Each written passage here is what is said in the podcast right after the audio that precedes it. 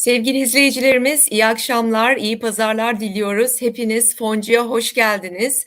Ee, bu akşam konuğum her ay başında olduğu gibi Osmanlı Yatırım'dan e, varlık danışmanı Selim Bey. Selim Hun, hoş geldiniz yayınımıza Selim Bey. Hoş bulduk. Merhabalar herkese. Merhaba hocam. Merhaba tekrar. Şimdi e, Selim Bey, e, Aralık ayına giriyoruz. Önemli bir ay. Seneyi bitiriyoruz, kapatıyoruz artık. Sizinle de e, bu herhalde e, yani bir yılı tamamlamış olacağız. 12. programımız olmuş oluyor diye tahmin ediyorum. Yanlış Aa, hatırlamıyorsam. evet. Evet, Evet, her evet, ay doğru. beraberdiniz. Evet, e, destek olduğunuz izle- izleyicilerimize çok teşekkür ediyoruz tekrar. E, şimdi e, Kasım ayını aslında şöyle kısaca bir özetleyecek olursak, hani e, Aralık içinde bir ışık olur mu acaba diye bir yandan da e, bu cümleleri söylemek istiyorum. Çünkü böyle hani hafif bir e, Noel Baba rallisi yaşadık gibi düşünebiliriz riskli varlıklar açısından baktığımız zaman. Avrupa borsalarında aylık bazda yaklaşık %8'lik e, artışlar gördük. %8-9 civarında. Alman borsası başta olmak üzere. Amerikan borsalarında %5'lik gene aylık bazda artışlar gördük. Nasdaq da buraya katıldı teknoloji tarafı. Altın keza 1800 dolarların üzerine çıktı ve %7'lik aylık bir getirisi oldu ons altın tarafına baktığımız zaman. E, yani aslında riskli varlıklarda hem e, Powell'dan, Fed'den gelen e, olumlu görüşler, işte önümüzdeki ay Aralık ayında e, biraz frene basabileceklerine dair işaretler, hem de işte son özellikle Kasım ayının son haftasında Çin'den e, sıfır Covid politikasında e, belki bir yumuşamaya, gevşemeye gidebileceklerine dair ibareler. Bunların hepsi piyasaların yönünü yukarı doğru çevirdi. Tabii e, bu riskli varlıklar yukarıya giderken dolar endeksi de aşağı doğru geldi. Euro dolar paritesinde tekrar 1.04, 1.05'ler üze- e, üzerine geldiğini görmüş olduk. E, Böyle bir em, ayı aslında tamamladık. Bizim borsamızda ise e, tabii e, yurt dışı piyasalardan çok farklı hareket ettiğini söylüyoruz aylardır. Bizdeki getiri de aylık bazda yüzde 25 olarak gerçekleşti. Şimdi ben e, tüm bunlar ışığında izleyicilerimizin de sorularını soracağım tabii ki ama sizin Aralık ayı için görüşleriniz nedir? Yatırım e, araçları ile ilgili işte yurt dışı borsalarla ilgili ne düşünüyorsunuz? Burada bir Noel Baba rallisi görebilir miyiz? Her e, hemen hemen her yıl yaşadığımız gibi. Türk borsasında işler nasıl gider? Biraz buradan başlayalım. Evet, yani şimdi söylediğiniz gibi aslında biraz erken başlamış bir e, Noel Baba rallisi diye isimlendirebileceğimiz bir ralli. Belki yani ismi böyle do- vermek doğru olur mu bilmiyorum ama evet erken başlamış bir şey var. E, burada bence bölge yani hem birlikte hem de e, tek tek değerlendirmek lazım. Yani şimdi Avrupa tarafındaki konu aslında zaten çok ciddi bir negatif e, durum söz konusuydu orada hem jeopolitik anlamda hem de ekonomik veri seti anlamında oldukça Amerika'dan da e, fazlaca bozuk bir e, dönemden geçti Avrupa. E, burada e, neyi aslında pozitif gördü? Bir kere jeopolitik anlamda tansiyon yüksekliğinden tansiyon yüksekliğinin yarattığı bir enerji krizini hafif atlatacağına ilişkin bir beklenti oluştu. Bunun bunda işte e, e, doğal gaz depolarının, LNG depolarının e, doldurulması, e, bir şekilde Rusya'dan belirli oranlarda gaz akışının sağlanma ihtimali, petrol tedariğinin e, tavan fiyatlarla birlikte tavan fiyatlarla da olsa bir şekilde bir e, akacağına ilişkin bir e, beklenti oluştu. Bir de e, ekonomik veri setinde belki de e, tamam kötü ama çok çok mu kötü? İşte çok kötü olacak mı? E, beklediğimiz kadar kötü olmayabilir e, tarzında bir e, yönelim söz konusu oldu. E zaten orada FK oranlarını yani hisse, hisse piyasasından bahsediyorsak FK oranlarını e, gör, ne baktığınız zaman ciddi bir e, düşüş görmüş ve ciddi bir şekilde primsiz bir borsa vardı. E, buna alım gelmesi de bu haber akışıyla, tabiatıyla e, gerçekleşti. Amerika'daki durumda e, biraz daha farklı. Amerika'daki durum bu yani en ufak haberi bile e, fiyatlara yansıtan bir yapıya sahip şu anda. E, tabii orada da %35'ler mertebesinde yılbaşından bugüne değer kaybetmiş bir borsanın artık e, ya buradan da e, bir e, dönüş yapılır, tekrardan e, alıma girilir gibi bir e, yönelim de olması gayet tabii. E, böyle yani kısmi bir iyimserlik e, hakim oldu. Orada her gelen ufak da olsa pozitif haber ka- karşılığından daha fazla bir alıma e, sebebiyet verdi. Biz bunun bu şekliyle devamını bekleyebiliriz. Yani gelen her habere e, işte e, her pozitif habere bir alım her negatif habere de bir miktar satım e, görebiliriz. Bu yıl başında da e, işte iyimser mesajlar vermek, işte pozitif e, bir atmosfer yaratmak bir e, Noel geleneği e, başta Amerika'da olmak üzere. İşte eğer e, veri setinde de çok büyük bir bozukluk e, olmazsa bu vadede kısa bir vade kısa vadede Amerika piyasalarında bir şey e, görürüz ama bu bir ayı piyasasından boğa piyasasına geçiş olur mu derseniz ben o konuda e, aslında çok emin değilim. E, ama geçen ayki yayında da belir, belirtmiştik. E, hem bu, bu tarafta hem de yurt dışı yurt dışında bir e, dönemin adını ayı ya da boğadan da ziyade volatilite dönemi olarak koymak e, bence e, doğru olur. Çok ciddi zikzaklar göreceğiz e, ama bence kısa vadede evet e, yurt dışı için pozitif. Yani ee, e, aslında veriye duyarlı bir e, zaman geçiriyor olacağız. Veriler geldikçe inen çıkan e, hisse senedi fiyatları görüyor olacağız. Hakeza bunlar fonlara da yansıyacak. E, bizim yurt dışına yatırım yapan e, fonlarımız var. Amerika'ya yatırım yapan fonlarımız var. Bunlarda da bu zikzakları görebiliriz Aralık Tabii. ayı boyunca. Ben bunu anlıyorum. Tabii. Ama siz uzun vadeli olarak hani buradaki yükselişin devam edip etmeyeceğinden emin değilim diyorsunuz. Çünkü bir de hani ufukta bir hafif resesyon riski var değil mi Selim Bey? Bunu söylüyorsunuz. Aynen. Aynen, aynen onu demek istiyorum hocam. Ee, evet. Şimdi burada daha resesyonun tam fiyatlamasını görmüyoruz. Yani hatta yani faiz arttırma e, ihtimalinin azalmasına ilişkin bir iyim, iyimserlik söz konusu. Yani orada yüzde beşte FED faizi tutacaktır. E, orada da bir e, sınırı o olacaktır gibi bir beklenti var. Ama Fed'in bu sınıra dayandığı zaman o ne zamandır derseniz aslında bir takım resesyon sinyallerinin başladığı zamandır. Yani burada resesyon demek ne demek? Ticaretin düşmesi, işte gelirlerin azalması ve doğal doğası gereği şirket karlarının da düşmesi demek. E şirket karlarının düşmesi demek e, hisse değerlemelerinin baştan gözden geçirilmesi demek. Yani bu açıdan hani e, uzun vadede e, ciddi problematik bir takım şeyler var. E, bunun ne derece risk yarattığı da konuşmak için de çok erken. Şu anda kimse bilmiyor. Yani Fed'in sınırı ne olacak? Enflasyon nereye kadar direnç gösterecek? Tahvil piyasasının buna verdiği reaksiyon ne olacak? Şirket karları nasıl etkilenecek? Dünya ticareti nasıl bir yönelimde olacak? Gerçekten her veri setinde kafamız biraz daha karışıyor. Her veri açıklandığında biraz daha karmaşık hale geliyor. Ee, ama bunlara bakacağız. Zorlu bir dönem olacak. Peki ben şeyi merak ediyorum. Yani resesyonu birazcık daha sanayi tarafıyla ilişkilendirip teknoloji tarafını bundan biraz daha bağımsız tutabilir miyiz? Bunu neden soruyorum? Çünkü e, elinde e, teknolojiye yatırım yapan, temalı fonlar tutan e, yatırımcılarımız var veyahut da bunları almayı düşünen, bunlarla ilgili sorular soran yatırımcılarımız var. Yani burada bir hani e, eğer böyle bir resesyon e, en azından ucundan kendini gösterirse teknoloji fonlarının birazcık daha buradan ayrışarak yukarıya doğru hareket ettiğini görebilir miyiz? Ne dersiniz?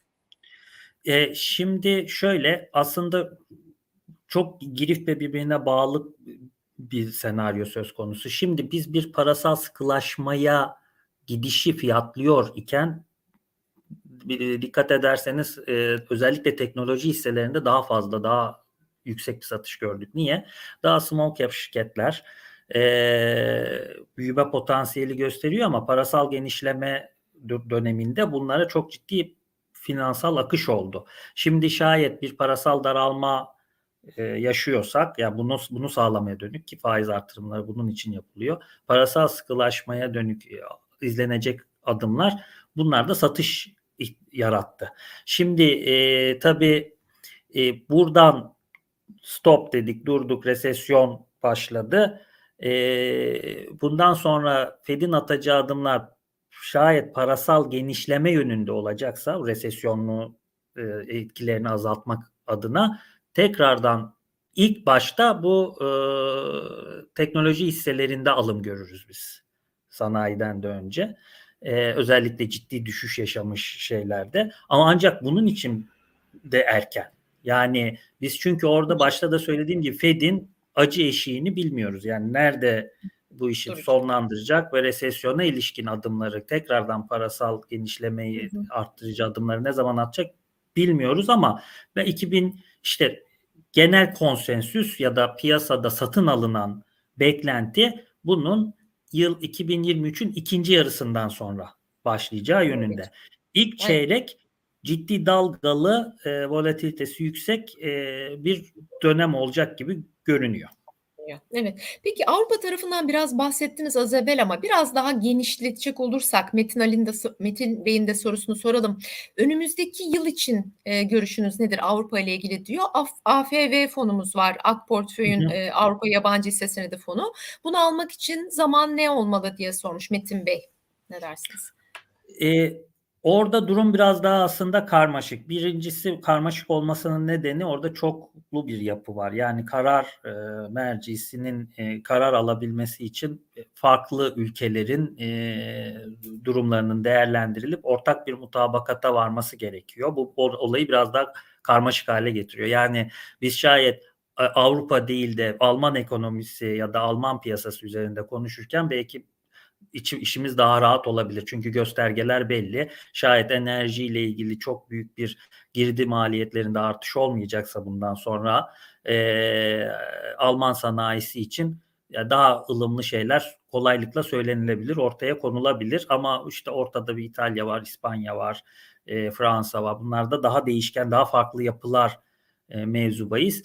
Bir de pazar e, Amerika'daki gibi canlı değil. Yani kendi iç pazarları çok fazla e, şey üretemiyor. Yani talep üretemiyor gibi görünmekte. Yani sinyaller bu yönde. O yüzden yani Amerika'da e, resesyon belki biraz daha hafif geçer geçebilir.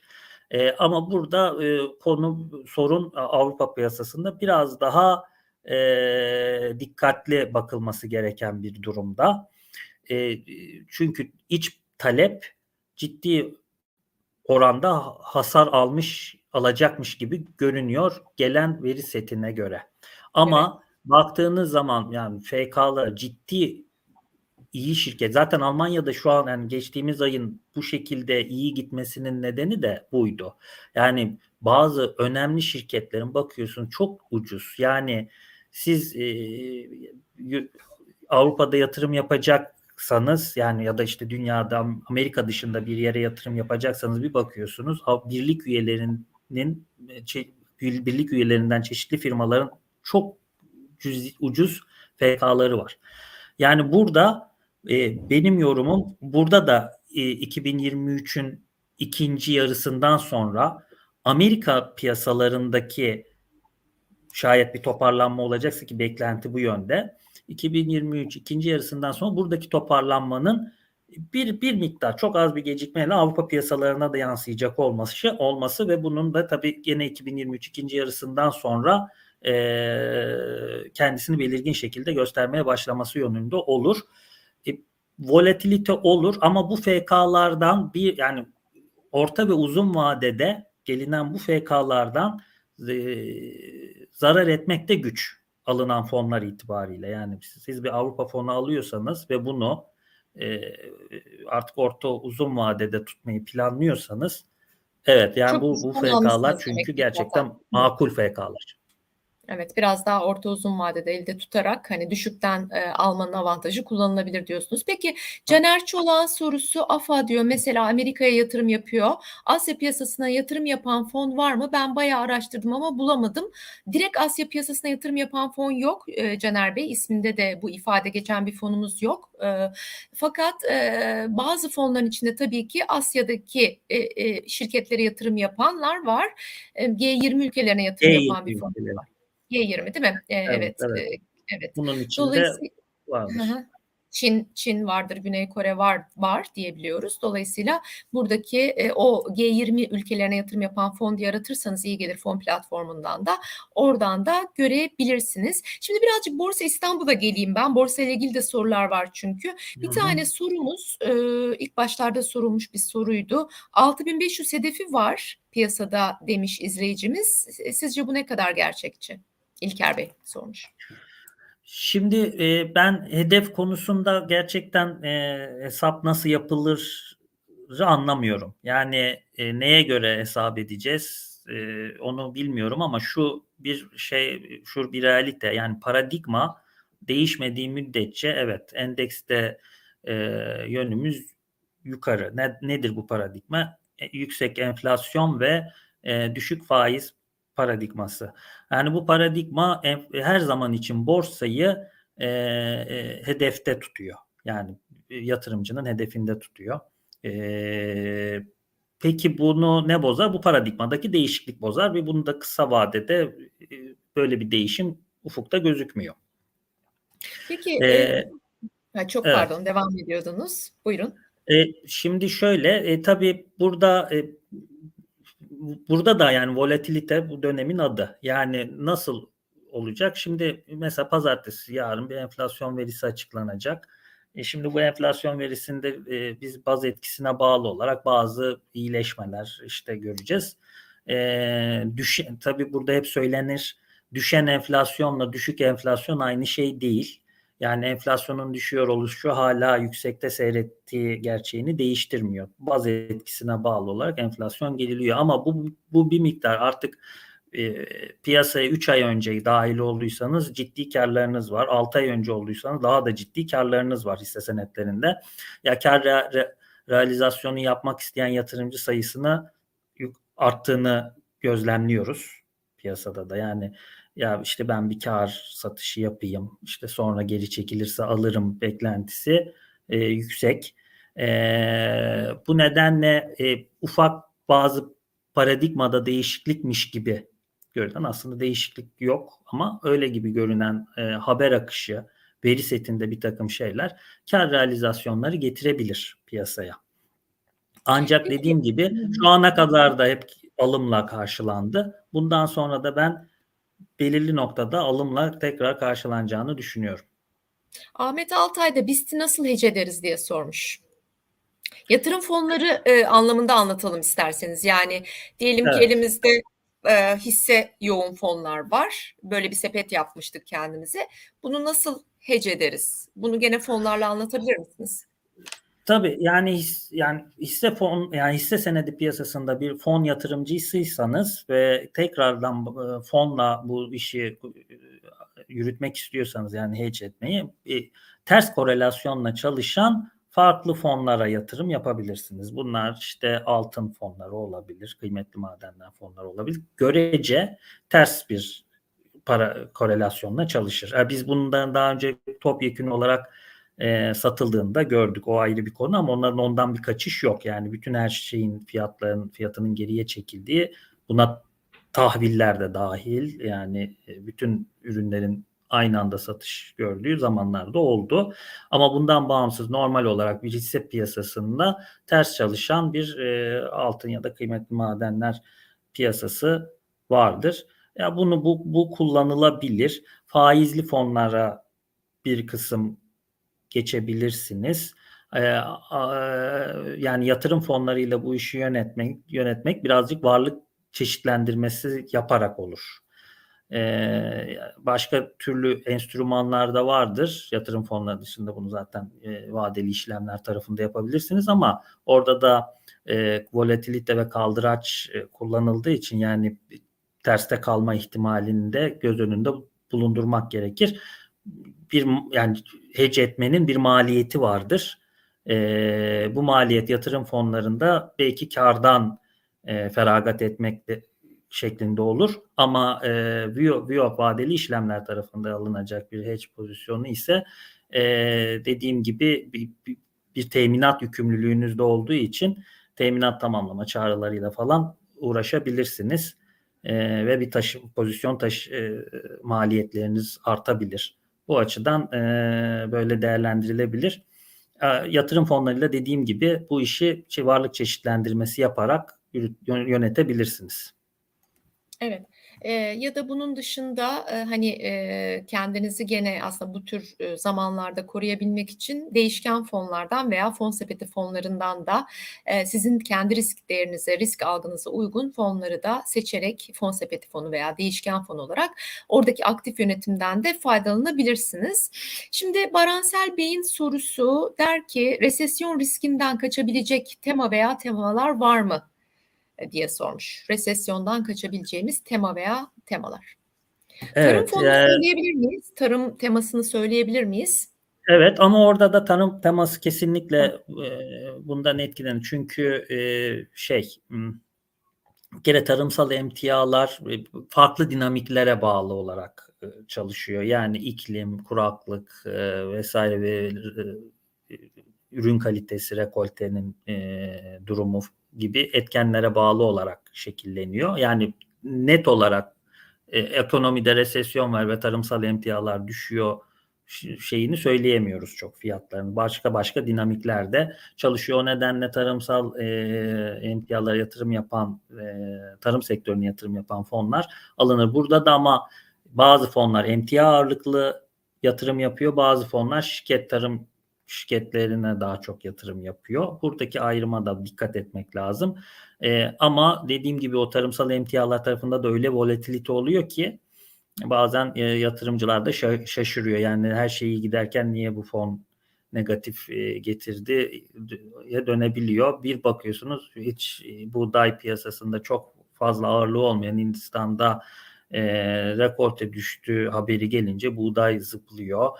E, öbür tarafta Aa, Rusya'dan tamam e, tahıl koridoru açıldı haberi gelince düşüyor gibi bu tarz farklı dinamiklerle de iş görüyor. Bu bir e, şey. Ancak resesyondan etkilenmeyecek e, sektörde çok az.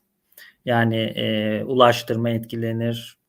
Belki işte dediğim gibi farklı dinamiklerle e, çalışan sağlık, tarım gibi e, farklı dinamikleri olan e, ve farklı bir haber kanalıyla e, talebi e, arttırılabilecek sektörler bunlardan biraz farklılaşabilir.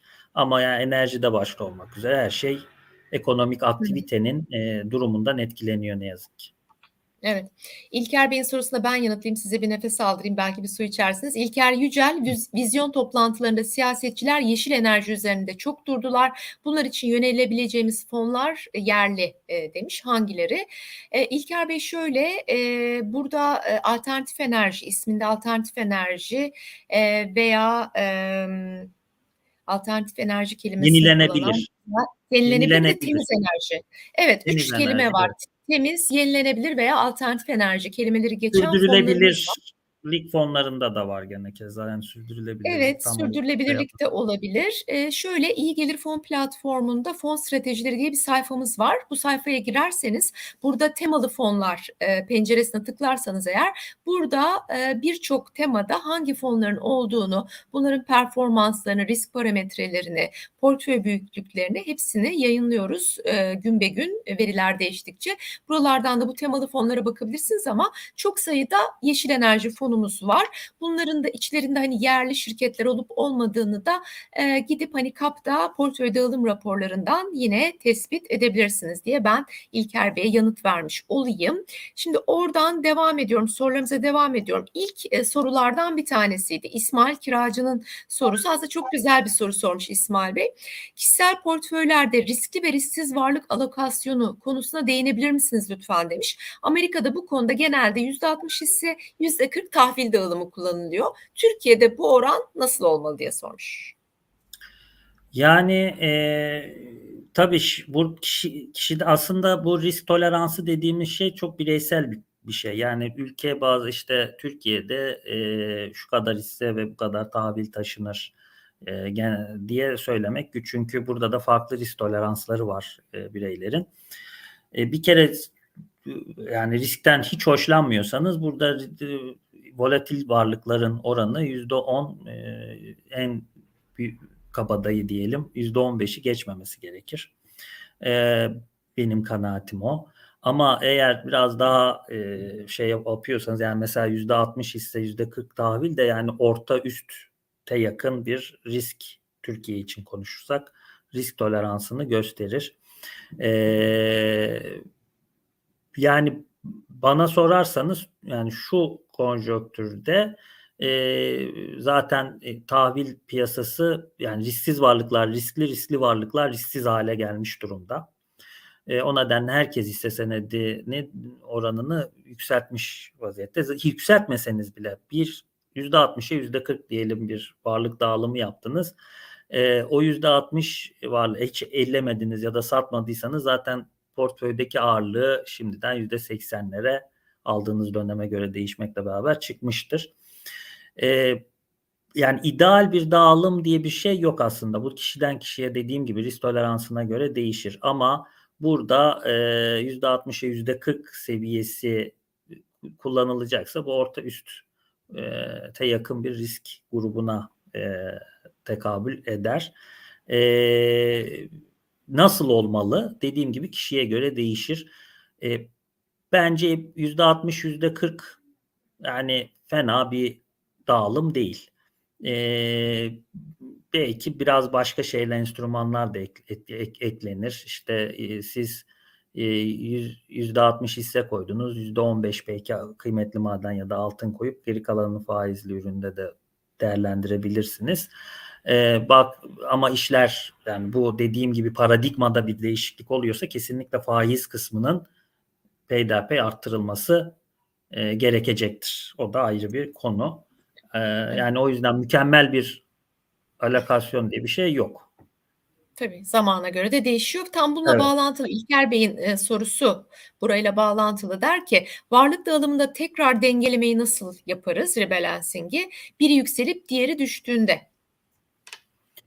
E, dediğim gibi öncelikli olarak beklenen duruma göre şekillenmek, şekil almak lazım. Yani burada beklentiler ne yönde? Bir, bir kere fiyatlamalar da zaten önceden yapılıyor. Yani çoğu zaman piyasada eğer aniden bir e, değişiklik yap, yapılmıyorsa e, piyasaya bakılıyor. E, tamam burada e, işte örnek veriyorum faizlerde bir yukarı yönlü eğilim bekleniyorsa buna göre yavaş yavaş hisse pozisyonlarının azaltılıp e, belki orada faize park etme ya da bir öncelikle başta kısa vadeli olmak üzere sonra da e, imkan veriyorsa orta uzun vadeli faizli ürünlere yönelmekte fayda olabilir. E, örnek örneğin değişken faizli e, ürünler uygun fiyatlamalardaysa alınabilir. Kısa vadeli biraz daha risk alarak kısa vadeli yerine çünkü değişken faizlerde artık faiz riskini yönetmiş oluyorsunuz.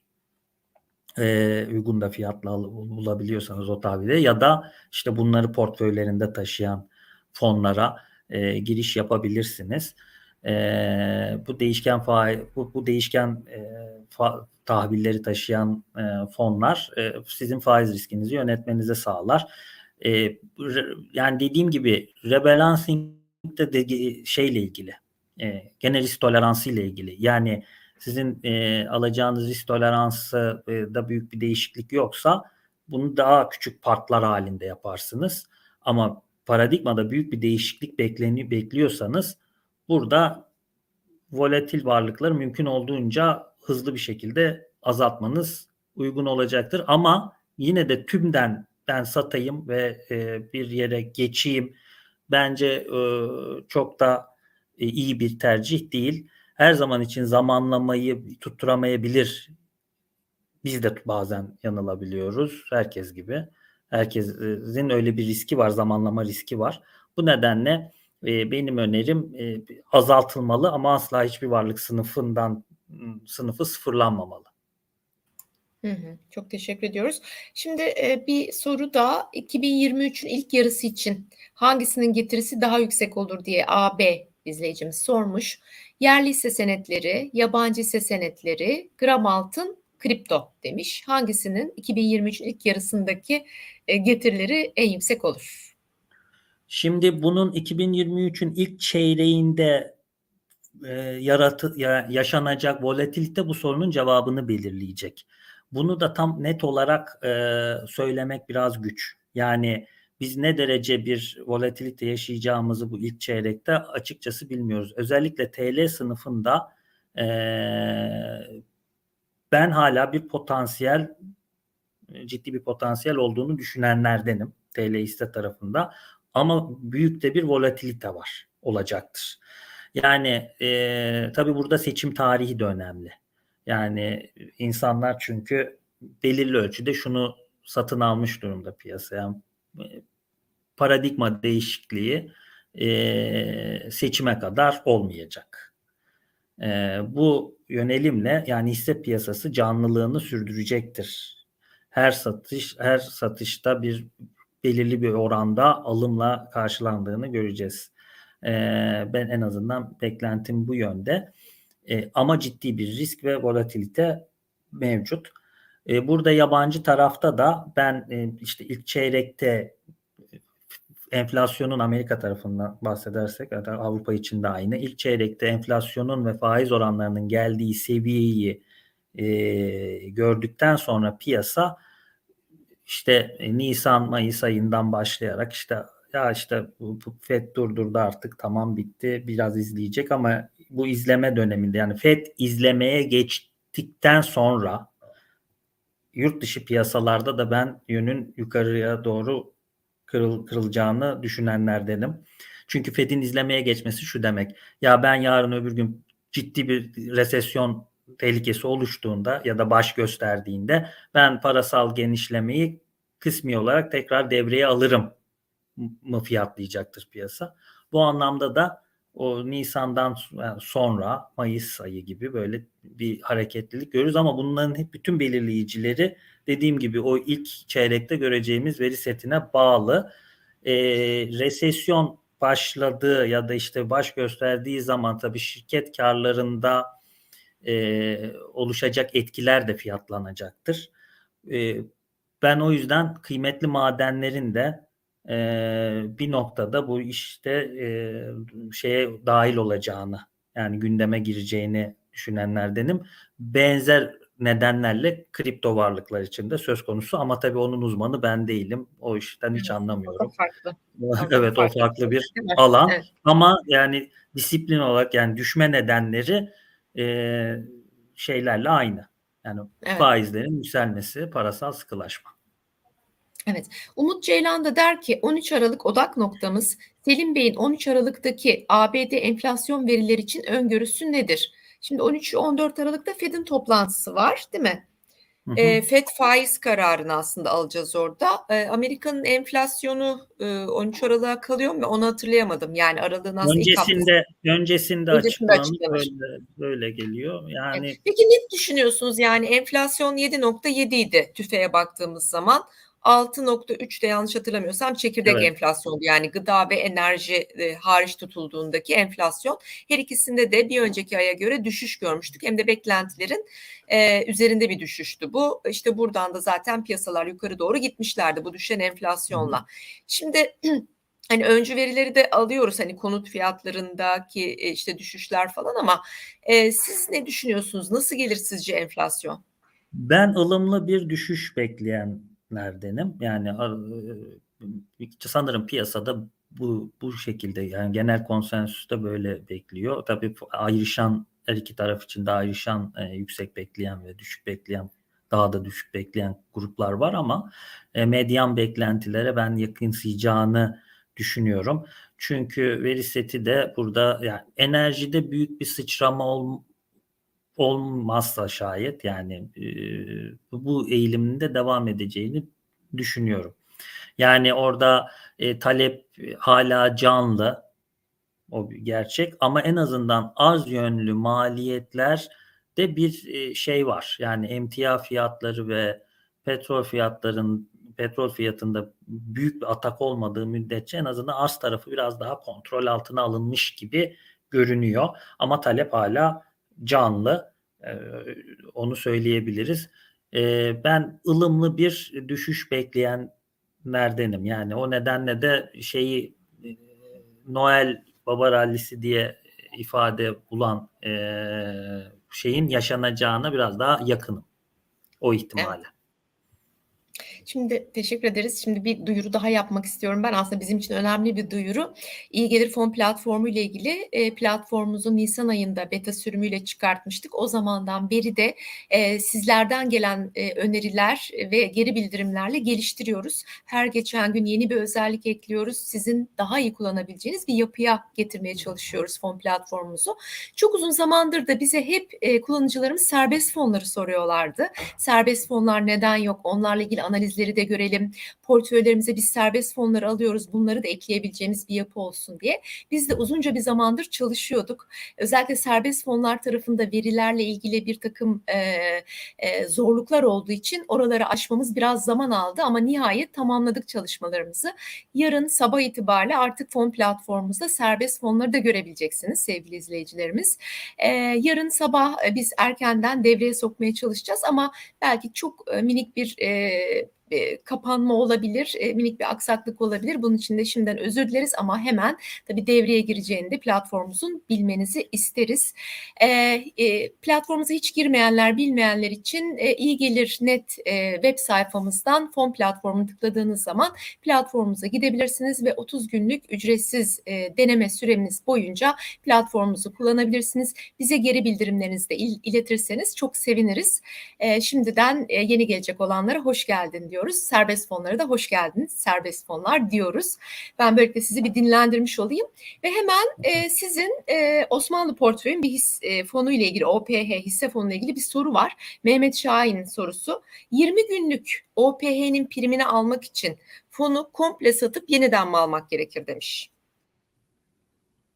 Yani e, buna bir gerek var mı bilmiyorum. Yani onu orada satıp tekrar almanız bir, e, neyi değiştirir? E, büyük yani bir piyasada dediğimiz gibi bir satış bekleniyor bekliyorsanız evet bu e, satıp bir miktar sonra tekrar almak mantıklı tabii bu bütün hisse fonları OPH özelinde değil bütün hisse fonları için geçerli. Ama bu zamanlamayı e, eğer böyle bir karar aldıysanız şayet e, sattıktan sonra hemen almamanız biraz beklemeniz ve uygun bir seviye oluşursa şayet almanız e, öneririm. Veyahut da sizi rahatsız eden e, kısım neyse onu satmanızı öneririm. Yani tümünü satmak yerine belki e, belirli bir miktarını satıp e, durmak uygun olabilir. Şayet dediğim gibi piyasa volatil bir piyasa e, belirli ölçüde gelen satışlara alımlarla karşılanabiliyor. Ama bu şey kısmını değiştirmiyor. Yani üzerindeki piyasa üzerindeki riski azalt azaltmış değil. Ee, genel yön yukarıda olmakla beraber şayet bu zamanlamayı zaten ayarlayabiliyorsanız ona diyecek bir şey yok. Ama bunu tutturmak çok güç olduğu için belki siz e, karı almak ya da e, belirli ölçüde e, bir satış yapıp sizi rahatsız eden kısmını sattıktan sonra o geri, geri kalan kısmı dur, tutmanız size en azından psikolojik olarak bu işi yönetebilir kılar. Evet. Çünkü öbür türlü yönetmek zaten zor. Yani zamanlamayı ayarlamak çok güç. Evet. Peki e, ya uzmanlık alanınız mı bilmiyorum ama ben yine de sormak isterim. Oğuz Bey'in sorusu epey bir zaman önce sormuştu. Gümüşle ilgili yorum rica etmiş. Ee, tabii biraz da sanayi yani o altından ayrışan bir yapıda yani gümüş ama çoğunlukla birlikte hareket ettiklerine de tanıklık oluyoruz. Yani şöyle oluyor iş. Ee, işte altının onsunda e, yukarı yönlü bir hareket olduğunda işte gümüş sayı stabil kalıyorsa altının peşinden geleceğini ve düşünerek o gümüş yatırımı yapılabilir. Yani sizin elinizde bir altın fonu varsa işte altında yukarı yönlü hareket ediyorsa baktınız gümüşte tam o denli bir yukarı yönlü hareket yok. Evet böyle bir şey beklemek bence tabiatı gereği doğal e, ve mantıklı bir durum. E, aksi ek, ekstra bir başka bir konu yoksa. Ama dediği gümüş biraz da sanayi e, tipi bir kullanımda olduğu için, değerli maden olduğu için o e, resesyon e, durumunda tam olarak talebin nasıl şekilleneceği tartışmalı bir alan oluşturur. Yani şunu diyebiliyoruz biz resesyon döneminde altın e, bir yatırım enstrümanı olarak gündeme gelir ve orada kalır diyebilir diye kurduğumuz cümleyi tam olarak gümüş için kuramayız. Yani orada farklı dinamikler e, mevzu bahis olabilir. Ama dediğim gibi orada yer altında ciddi bir yukarı yönlü ivmelenme görürsek ve gümüş fonları bunda geri kalıyor ise yani gümüş fiyatı bunda geri kalıyor ise burada da pozisyon almak dediğim gibi mantıklı olabilir. Evet. Bir izleyicimiz var. Suudi Arabistan'dan selam söylüyor bize. Far away adı da. Bayağı uzakta. Evet. Evet. Biz de buradan selam Evet. söylüyoruz. Evet. Eurobondları soruyor. Yani Eurobond fonuna mı yatırım yapalım? Eurobond mu daha mantıklı? Ee, şimdi biz burada da cevaplayalım ama siz bizim bundan önce çektiğimiz Eurobondlarla ilgili, Eurobond fonlarla ilgili videolarımız var. E, yine Eurobond fon yöneticilerimizle yaptığımız e, sohbet toplantılarımız var. Onları da muhakkak izleyin. Hani onu da tavsiye edelim ama e, burada gene fikrini e, bir foncu olarak Tabii bu soruyu sorduğunuz zaman biz hep fon bakış açısıyla baktığımız için hep size Aklımız foncu fona kayıyor evet. Evet biz hep fona kayıyoruz. Selim Bey de Evet. avantajlarını söyleyecek şimdi. Tabii şimdi tabii ben Suudi Arabistan'da olduğu için yatırımcımız tabii bu vergi e, ayağında farklı durumu olabilir onu bilemiyorum. Ama Eurobond'un kendisi bir beyana tabi bir ürün Ee, ve vergi durumu burada yatırımcılar açısından yani en azından Türkiye'de yerleşik yatırımcılar açısından ciddi bir e, mesele.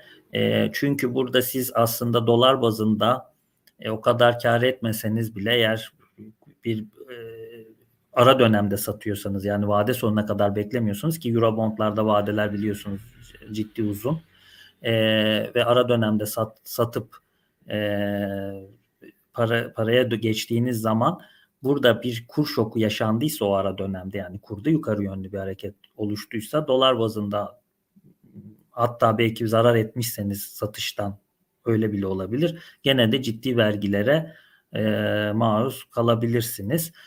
Bu açıdan yani Eurobond fonları daha şey e, vergi anlamında yönetilebilir. Orada %10 stopajı ödüyorsunuz ve bitiyor konu. Yani hiçbir ekstra beyanname vesaire gibi yükümlülük yok. Burada yerli yatırımcı açısından en büyük avantaj bir kere vergi yönetimi de ortaya çıkıyor. İkinci olarak da bir çeşitlendirme söz konusu. Yani orada farklı vade stratejilerine sahip Eurobond fonlarında e, hem vade çeşit anlamında çeşitlendirme hem de e, ihraççı bazında çeşitlendirme yaparak riski minimize etmeniz olağan. E, buna imkan veriyor öncelikle Yani, bu evet, Eurobond Tabii e, Eurobondları bilen bir profesyonel tarafından da yönetildiği için aslında orada hani sizin tek tek Eurobond almanızdansa e, o profesyonel yöneticinin eline bırakmış oluyorsunuz. Onun o piyasa bilgisine bırakmış oluyorsunuz. Bu da bir avantaj aslında tüm yatırım fonlarında olduğu gibi.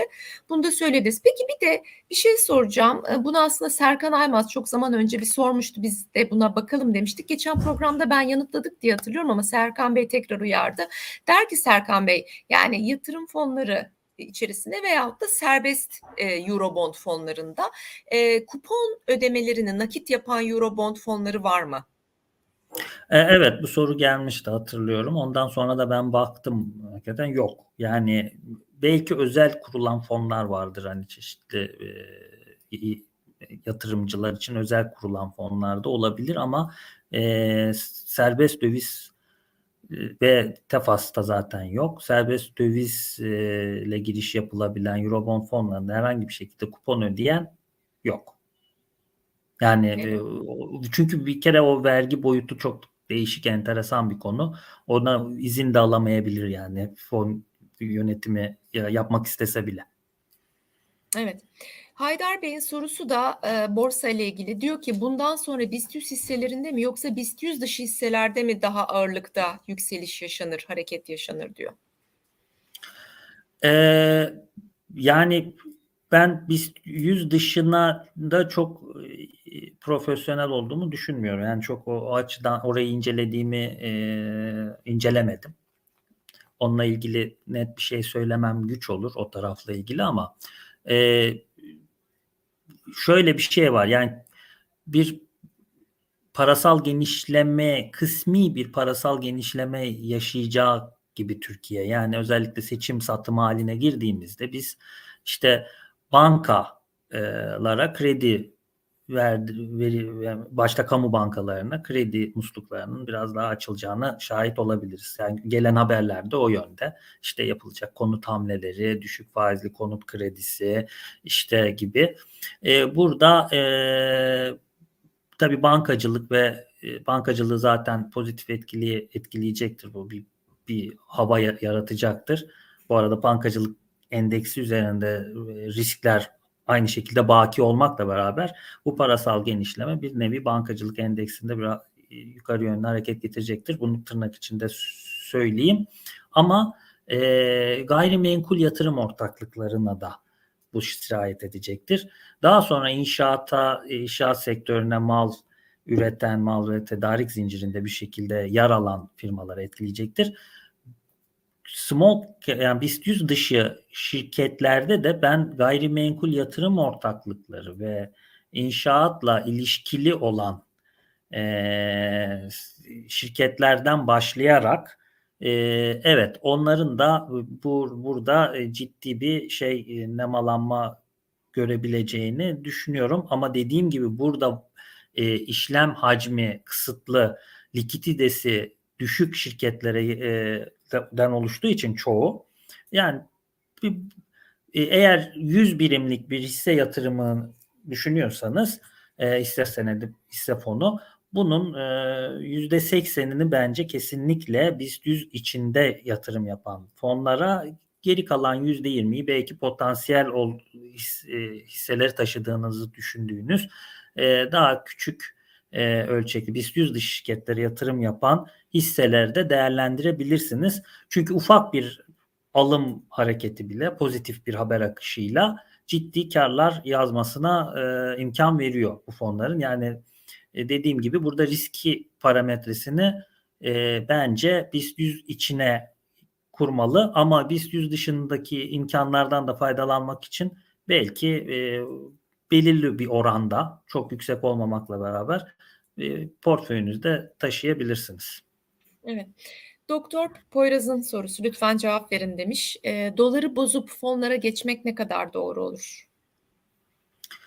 Yani şu ana kadar dolarda bir pozisyon aldınız ve bunu devam ettiriyorsanız şunu söyleyebilirim ki sizin dolarda kalmanızı sağlayan her ne, neyse o nedenler ortadan kalkmış değil. Yani tahmin ediyorum ki yani niye e, dövizde duruyorsanız e, bu bunu neden TL değil de dövizde e, tutuyorsanız birikimlerinizi e, o nedenler aynı ile mevcut. Ancak dediğim gibi yani e, siz dolarda bir dolar faizi alıyorsanız şayet sadece bilin ki orada da enflasyon yüzde beş e, yani ya yüzde yedi özür diliyorum e, faizler de %5'e doğru gidiyor. Yani siz ne kadar bir dolar faizi aldığınızı öncelikle bir değerlendirmeniz lazım. Belli ki kur da Türkiye'de yönetiliyor. Yani yönetilen bir kur var. Doğal seyrinde değil. Bunu artık söylemekte bir beis yok bence. Ee, yani yönetilen bir kur seviyesi var.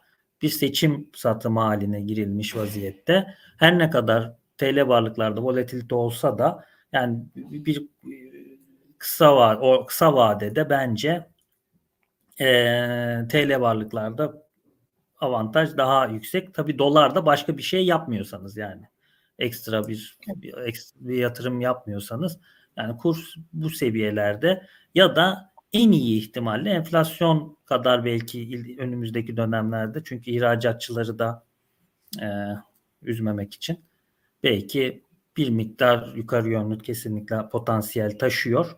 Ama dediğim gibi ben önceliği TL varlıklara verirdim kısa vade için. Evet. evet. Şimdi kısa bir soru Rabia Başol Nasdaq yatırım yapan fon var mı diye sormuş. Herhalde buna AFT'yi söyleyebiliriz. Ak Portföyün Teknoloji Hı. Fonu değil mi Selim Bey? Ondan sonra yayı evet. söyleyebiliriz. Yapı Kredi Portföyün gene teknoloji Hı. fonu var. Yabancı teknoloji. Bunun dışında Nasdaq yatırım yapan fon e, ikisi geldi Evet, evet yay ve AFT en fazla yatırımcı sayısına sahip ve şey ama ben bir miktarda yerli teknoloji taşırım da derseniz işte OJT var QNB Finans'ın e, sevdiğimizde bir fonu. E, OCZ var. O, o, değil mi? Evet, evet. OJT'de evet OJT de yani %20 bandında bir yerli hisse de taşıyor. Yani teknoloji Hı hı. Bandında yerli hisse taşıyor. Ve böylelikle fon vergisiz hale gelmiş oluyor. Yani %10 stopajla ödemiyorsunuz. Ee, yani bir ölçüde aldığı ETF'lerle de Nasdaq'ta bir, pozisyon e, almış oluyorsunuz. Yani onu da tercih edebilirsiniz. Var yani teknoloji, yabancı teknoloji hisse fonu diye aradığınızda karşınıza çıkanların büyük bir kısmı hatta tamamı Nasdaq yatırımcısıdır. Evet. Yani o Şimdi şekilde bir. Evet, şimdi bir sorumuz da e, Selim Bey, temettü ö- ödeyen fonlarla ilgili Yunus Bey'in sorusu. E, temettü ödeyen 3 fonumuz var. Bunların temettü endeksi fonlarla avantaj ve dezavantajını değerlendirebilir misiniz? Yani bize nakit temettü ödeyen, kar payı ödeyen fonlarımızla temettü endeksine yatırım yapan fonlar arasındaki avantaj ve dezavantajları sorar. E, şimdi şöyle bir kere bir nakit akışını vergisiz yaratmak açısından e, temettü ödeyen fonlar daha yani önde yani bir, bir endeksi takip eden ve temettü ödemeyen fonlara göre. Çünkü e, siz e, buradan bir nakit akışı ya bana da düzenli bir nakit akışı gelsin bu fon yatırım fonundan diye düşünürseniz yılda iki sefer e, temettü ödüyor e, temettü ödeyen yatırım fonları. E, ama aynı endeksi takip ediyor. Yani çok da farklı bir endeksi takip etmiyor. Yani BIST endeksin neyse e, temettü endeksi büyük ihtimal BIST temettü 25'i takip ediyorlar. Orada ne varsa onların içinde de onlar bulunuyor. Sadece burada vergisiz bir kar payı. Yani siz hisse senedini alsanız size temettü ödese şirket e, bunda bir vergi var. Ama fondan yapılan ödemede e, size yaratılan nakit akışta bir vergi yok. Bence e, avantajı sadece böyle. Evet. Bir de istatistiksel arbitraj fonlarını anlayamamış Caner Bey. E, bu fonlar hakkında bir kısa bilgi verebilir misiniz? Hani siz e, biliyor musunuz arbitraj, e, istatistiksel arbitraj fonlarını? Evet, Bir de ben şöyle, bu konuda Aha, buyurun. şey çok özür dilerim. E, bu konuda aslında bizim gene e, YouTube kanalımızda bir e, yayınımız var. Bir portföy yönetim şirketimizin istatistiksel arbitraj fonunu konuşmuştuk. E, ben de o videoyu bulabilirsem bu e, yayınımızın açıklamalar kısmında koyarım. Oradan da sonrasında izleyebilirsiniz. Fon yöneticimiz çok detaylı anlatmıştı. Şimdi hangi yayında hatırlayamadım ama e, dediğim gibi linkini ekleyeceğim. Buyurun. Ya iki tipte oluyor. Şimdi bir birbiriyle ilişkili iki farklı ama birbiriyle ilişkili iki farklı enstrümandan ucuz olanı alıp pahalı olanı satarak veya işte e, ileri vadeli e, bir hisse senedini spotta alıp e, ileri vadeli olarak satarak aslında siz bir e, kısm, göreceği faiz yaratmış oluyorsunuz kendinize. Yani çünkü aldınız ve sattınız aslında işlem bitti. Oradaki makasta oluşan şey sizin aslında sizin için bir faiz oluyor. Ee, arbitraj fonları da bu şekilde çalışıyor. Yani hem bir bir, bir şey alınıyor ve başka bir şey satılıyor. Bu aradaki makasta e, size bir e, sentetik faiz yaratmış oluyor. E, buna da yükselen piyasalarda e, şey yakalama şansı daha yüksek. Yani baktığımız zaman arbitraj fonlarına da genellikle biz e, yukarı yönlü ciddi hareketler yaptığında burada da iyi getiriler ve düşük riskle. Yani düşük riskle iyi getiriler yakalanma ihtimali yüksek oluyor. Öyle Evet. değil. Peki son iki sorumuza geliyorum. Bir tanesi Kürşat Temiz'in sorusu. E, fon tercihimizin tercihimizde düşenleri mi arttırmalı mıyız yoksa yükselenleri mi diyor uzun vade düşünürsek? Ee, bir kere ekonomik konjonktüre bir bakıp havayı koklamaksa da fayda var. Yani düşen daha düşüşe devam edecek mi, etmeyecek mi? Bunu bilmek önemli. Bunu tahminlemek önemli. Ee, ama yani benim e, mesleki e, şeyim e, tecrübem şunu gösteriyor. Yani bir yer bir enstrümandan kaybettiğiniz parayı ancak yine o enstrümandan geri alabiliyorsunuz. Yani dediğim gibi oraya yatırım yapmaktan da çekinilmemesi lazım. Dediğim gibi ama sadece ekono konjonktürde havayı koklayarak biraz acaba bu varlık sınıfındaki durum ne olur daha düşer mi? Düşecekse biraz daha bekleyeyim ileride alayım ya da paçal yapıp kademeli olarak arttırayım diye düşünebilirsiniz. Ama eğer rüzgar hakikaten o e, şeyin aleyhine esiyorsa belki tersine çalışan varlık sınıfına yatırım yapmak yani yükselene yatırım yapıp bir miktar daha beklemek e, daha mantıklı olabilir.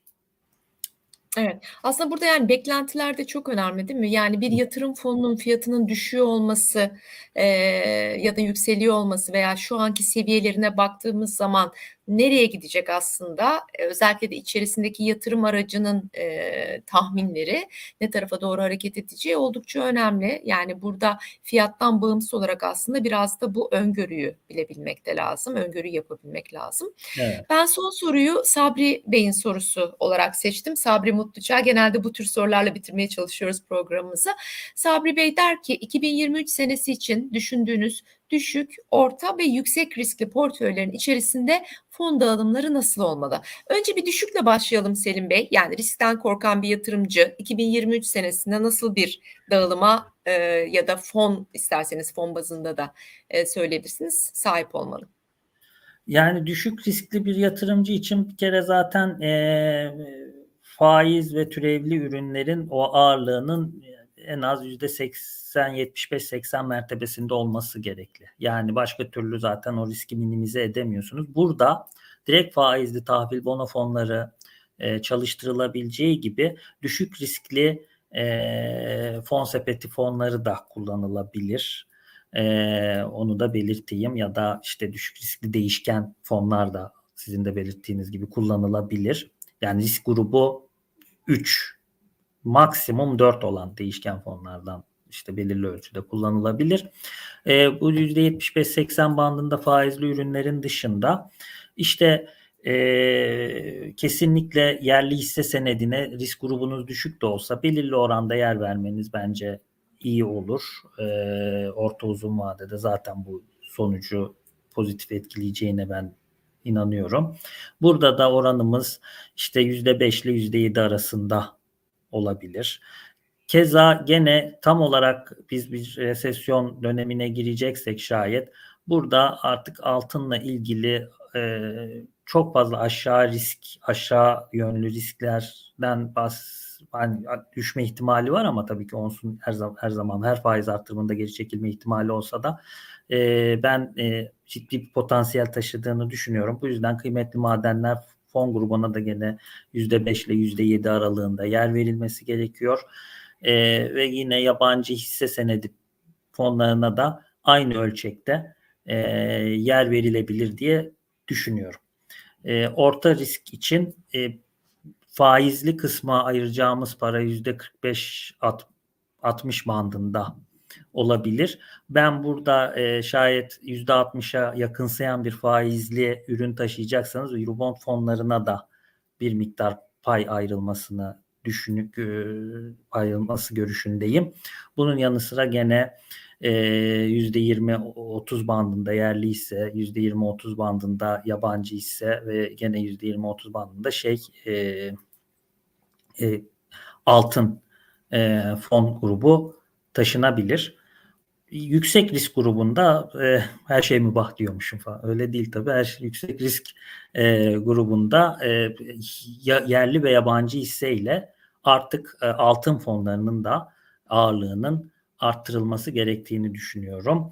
E, burada da bu e, varlık sınıfını gene kişi beklentilerine göre ayarlayabilir ama ben en azından yüzde 70 bandında volatil varlıklar varlık sınıfına yatırım yapılabileceğini düşünüyorum. Geri kalan da tabii hem e, nakit akışınızı yönetmek hem e, gerektiği yerde tekrar e, fon alabilmek için faizli ürünlerde e, kalınması uygundur bence. Eee, bir de programı tamamlamadan önümüzdeki hafta, eee, pazartesi günü yani yarın, eee, Türkiye'nin enflasyon verisinin açıklanacağını hatırlatalım. Bunu takip edebilirsiniz. Bir de hafta boyunca birçok ülkeden, Avrupa ülkelerinden ve, eee, Asya ülkelerinden, daha ziyade bu satın alma yöneticileri endeksi verileri gelecek. Bu ileriye dönük aslında ülkelerin ekonomilerinin nasıl gittiğini, satın alma yöneticilerinin siparişlerinin, artıp artmadığını gösteren bir endeks. Oldukça, sıkı takip ediliyor. Eee, resesyonla ilgili de, eee, fikir veriyor. Dolayısıyla siz de yatırımlarınızı yapmadan önce bu hafta bu PMI dedikleri verilere dikkat edin lütfen ülkeler bazında. Bir de tabii yarın bizim enflasyon verimizi takip ediyor olacağız. Eee, çok çok teşekkür ediyorum Selim Bey aktardıklarınız için tekrar. Ben bizi dinleyen yatırımcılarımıza çok teşekkür ediyorum. Sağ olsunlar. Bu saatte bizi tercih ettiler. Teşekkürler. Kesinlikle. Evet. Çok çok sağ olun sevgili izleyicilerimiz. Hepinize, eee, bol kazançlı bir hafta diliyoruz. Mutlu, sağlıklı günler diliyoruz. Kendinize iyi bakın. Hoşça kalın. Hoşça kalın.